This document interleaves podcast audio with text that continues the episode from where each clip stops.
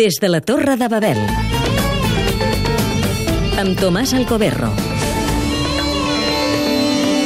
El gran poeta Josep Carné, no sé si ho saben, va ser cònsul a Beirut de 1935 a 1936 i a més va escriure uns magnífics articles a la publicitat un bon diari català de Barcelona.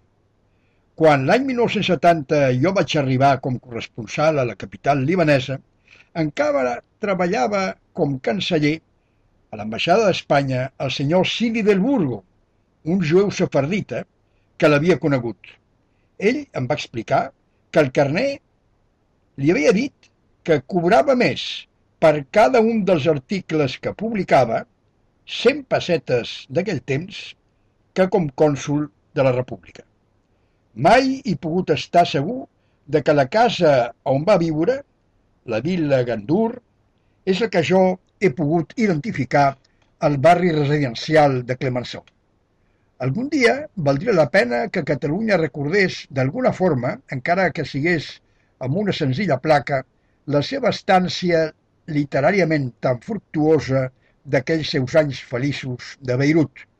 Un temps que, de cop i volta, es va acabar amb la mort de la seva dona, la xilena Carme de Osa, enterrada a un petit cementiri marítim de la ciutat, de la que molts anys després la meva amiga Pilar Viciana va poder trobar la seva partida de funció a una església del barri de Badaro.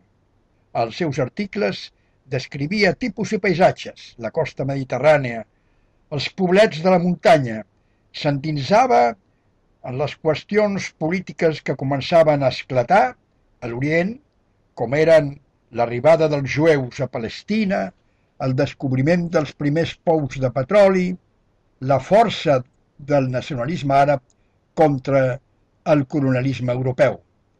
Articles lírics, poemes en prosa, apòlegs sobre l'islam, cròniques molt subtils sobre els esdeveniments polítics d'aleshores. A Beirut, el poeta va ser també un gran corresponsal. Valdria la pena tornar a publicar del Pròxim Orient el llibre editat el 1973 per Aimà, on es van aplegar els seus textos periodístics. Des de la Torre de Babel.